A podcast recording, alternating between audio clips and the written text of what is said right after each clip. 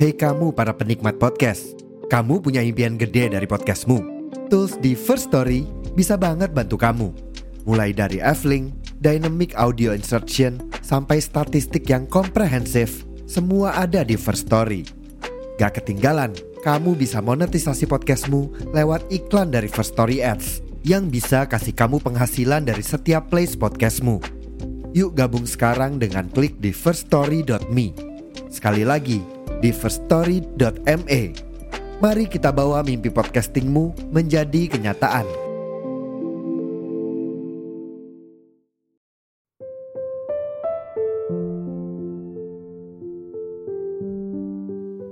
Halo, selamat datang di podcast Komik Indo. Setelah hampir 10 episode, akhirnya gue menginjakan kaki juga buat ngebahas komik romance. Bukannya gue gak suka komik romance, cuma gue tuh anaknya sonen banget tuh. Jadi ya, kita lihat aja apakah hati bocah tua shonen ini akan baik-baik saja setelah disiram cerita cinta. Komik yang akan gue bahas ini berjudul Matahari Setengah Lingkar, karya Hairunisa Puspasari.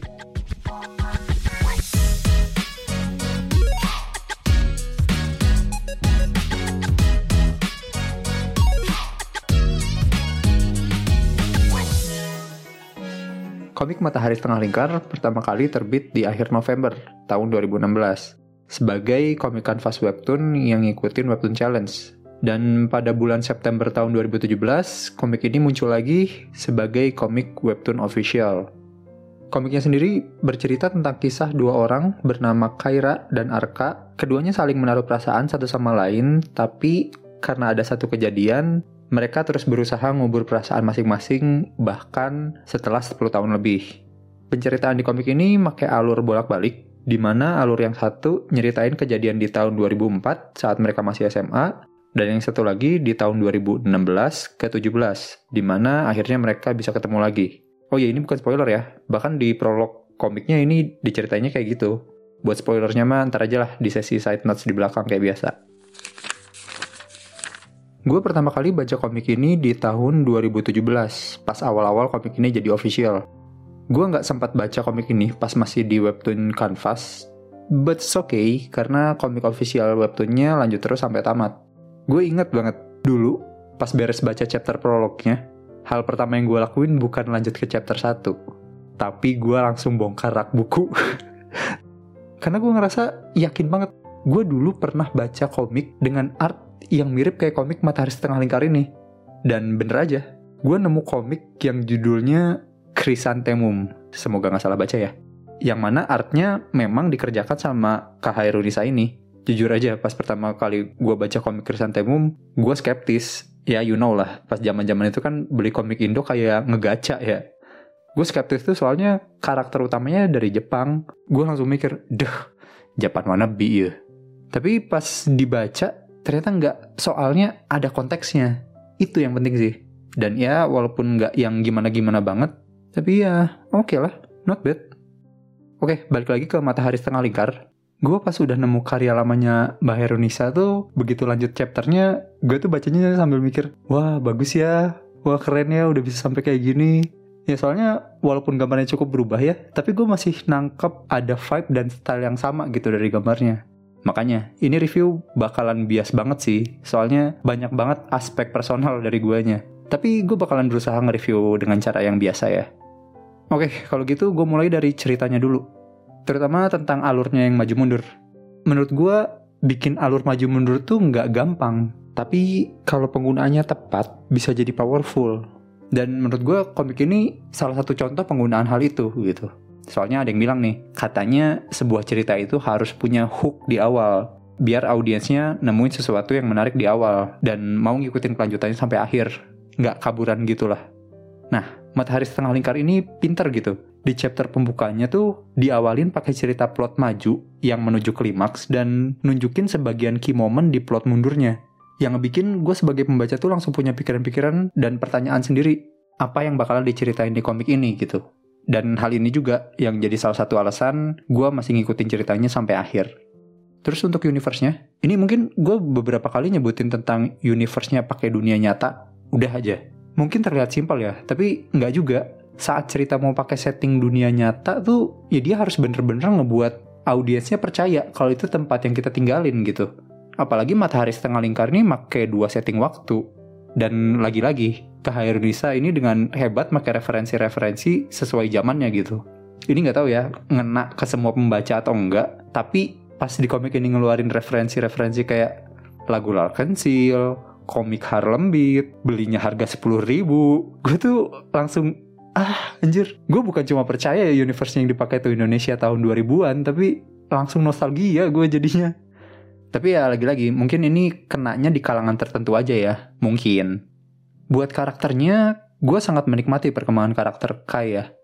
Terus, hmm, menurut gue Matahari Setengah Lingkar yang ceritanya driven by karakter, personality yang tebel tuh perlu sih tapi buat gue kepribadian karakter di cerita ini selain leadnya bisa dibilang terlalu bold malah yang ngebuat gue sedikit tidak seret. Uh, ini rada spoiler sih tapi kayaknya nggak apa-apa lah ya tipis-tipis aja gitu. Ntar yang tebalnya di belakang lah.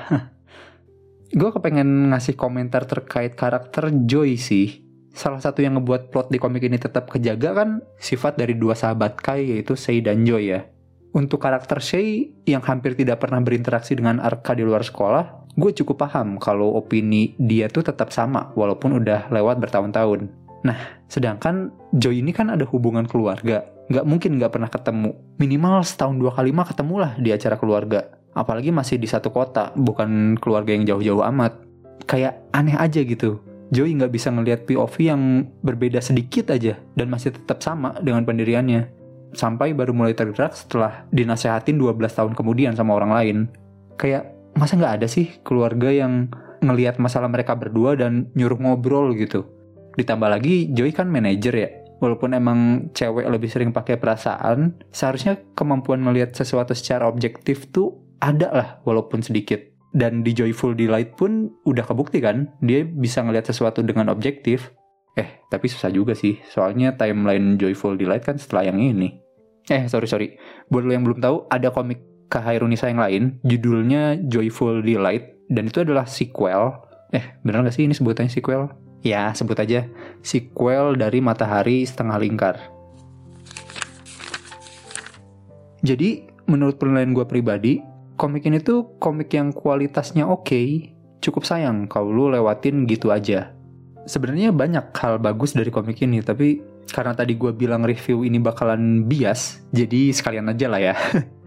yang paling gue suka dari komik ini tuh referensi-referensi yang dipakai untuk nunjukin kondisi seorang Kaira di tahun 2004. Ini nggak ada obat sih asli. Gue kan baca ulang lagi ya komiknya. Itu tiap kali ada referensi jadul yang dikeluarin tuh gue senyum-senyum sendiri aja. Kayak waktu Kaira pakai Discman, dengerin lagu Larkin Seal. Ini by the way, gue nyiapin episode ini juga sambil dengerin lagu itu lagi tuh. Terus waktu kayak nyari-nyari komik Harlem Beat versi jadul, itu iya banget lagi. Ini gue nggak tahu ya, kayaknya pas zaman zaman orang baca Scanlation tuh judul Harlem Beat nggak begitu naik. Tapi buat remaja-remaja yang tumbuh di 2000-an awal dan selalu nyisihin uang jajannya buat beli komik, kayaknya sebagian besar tahu Harlem Beat deh. Dan iya, sebagian volume tuh nggak tahu kenapa ada yang cepat habis dan susah dicarinya. Mungkin buat Kai dia nggak dapat volume paling terakhir tapi buat gua ada tuh nomor belasan beberapa yang bolong. Nih Kai beruntung ya lu dapat gua karena nggak dapat ya begitu keluar versi premiumnya gua terpaksa beli lagi ngumplitin semuanya lagi. Terus nggak taunya beberapa tahun kemudian online shop jadi marak dan banyak yang ngejual ternyata. Perjuangan gua nyari-nyari di Palasari selama bertahun-tahun sia-sia sial. Maaf maaf. Terus juga ada referensi gambar-gambar yang suka kayak gambar dulu kayak Cardcaptor Sakura, Samurai X, Sailor Moon. Yang ngebikin gue jadi nostalgia makasih loh. Dan kalau gue pikir-pikir lagi ya saat itu tuh kan emang hiburan anak-anak menuju remaja tuh kebanyakan produk Jepang ya. Tapi nggak ada istilah fanatik atau wibu gitu kayak sekarang. Ya udah sebagai hiburan aja gitu. Eh sorry sorry melenceng lagi. Kayaknya terkait review Matahari Setengah Lingkar bakalan gue tutup dulu. Kalau info terkait komik Quest sendiri, Kak Hairunisa saat ini lagi istirahat dulu ngomik. Ya mungkin break dulu lah ya, setelah bertahun-tahun dikejar deadline webtoon gitu. Capek tau guys, dikejar-kejar deadline tiap minggu. Mana harus mempertahankan kualitas nggak boleh sampai kendor kan. Ya kita doain aja yang terbaik buat Kak Hairunisa dan semoga bisa kembali komik lagi jika sudah saatnya. Untuk link terkait karya-karya dan medsos Kak Hairunisa bakalan gue taruh di deskripsi. Ntar cek-cek aja. Beberapa kali beliau juga buka commission, lu bisa komis juga ke Kak Hairunisa. Mungkin segitu dulu. Jangan lupa dukung terus perkomikan Indonesia, bukan hanya karena nasionalitas, tapi juga karena kualitas. Sampai ketemu lagi di episode berikutnya. Dadah!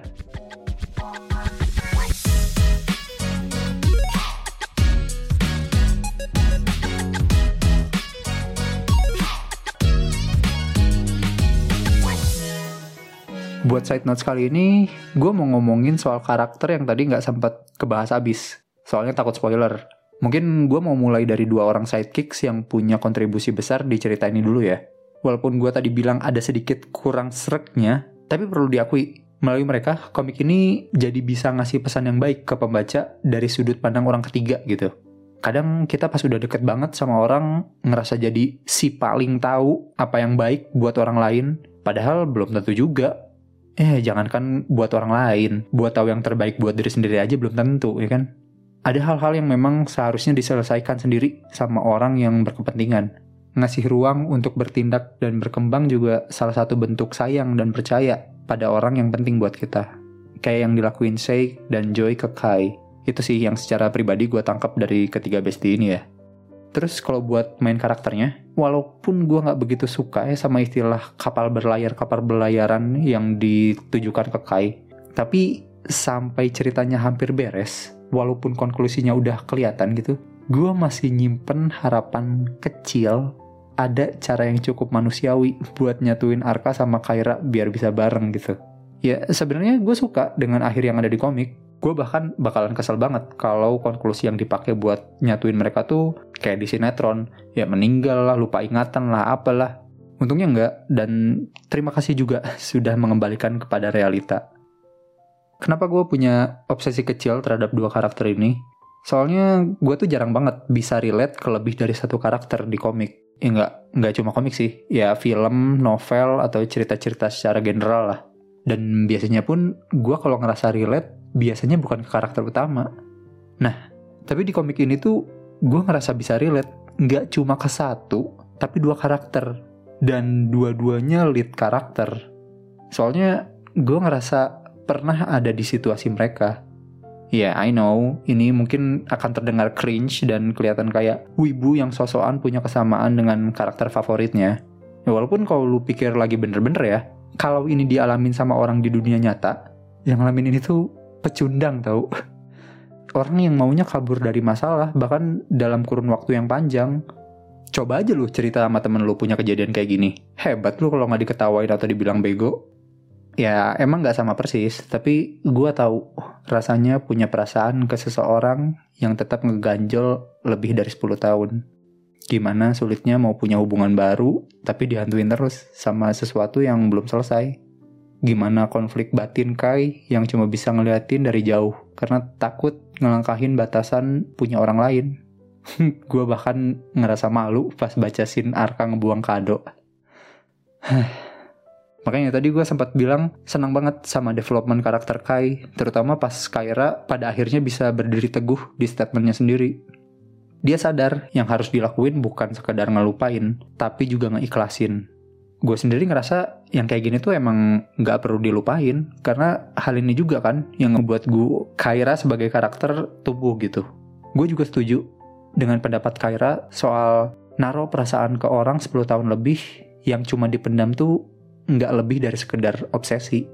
Soalnya mungkin banget yang dipikirin dalam rentang waktu itu tanpa pernah berinteraksi cuma sekedar pemikiran dan asumsi sendiri. Karena manusia berubah kan, sesuai dengan pengetahuan dan pengalaman yang didapat. Dia berubah, kita juga berubah. Seperti Kaira yang menyelesaikan bagiannya dengan ngegambar senyuman Arka untuk terakhir kalinya. Gua rasa gue juga udah nyelesain bagian gue dengan memastikan gue gak bakalan nyesel pas waktu bahagianya dia udah datang. Astagfirullah. Review woy, review. Ah, malah curcol lagi. Dah, dah, dah, tutup aja lah, dah.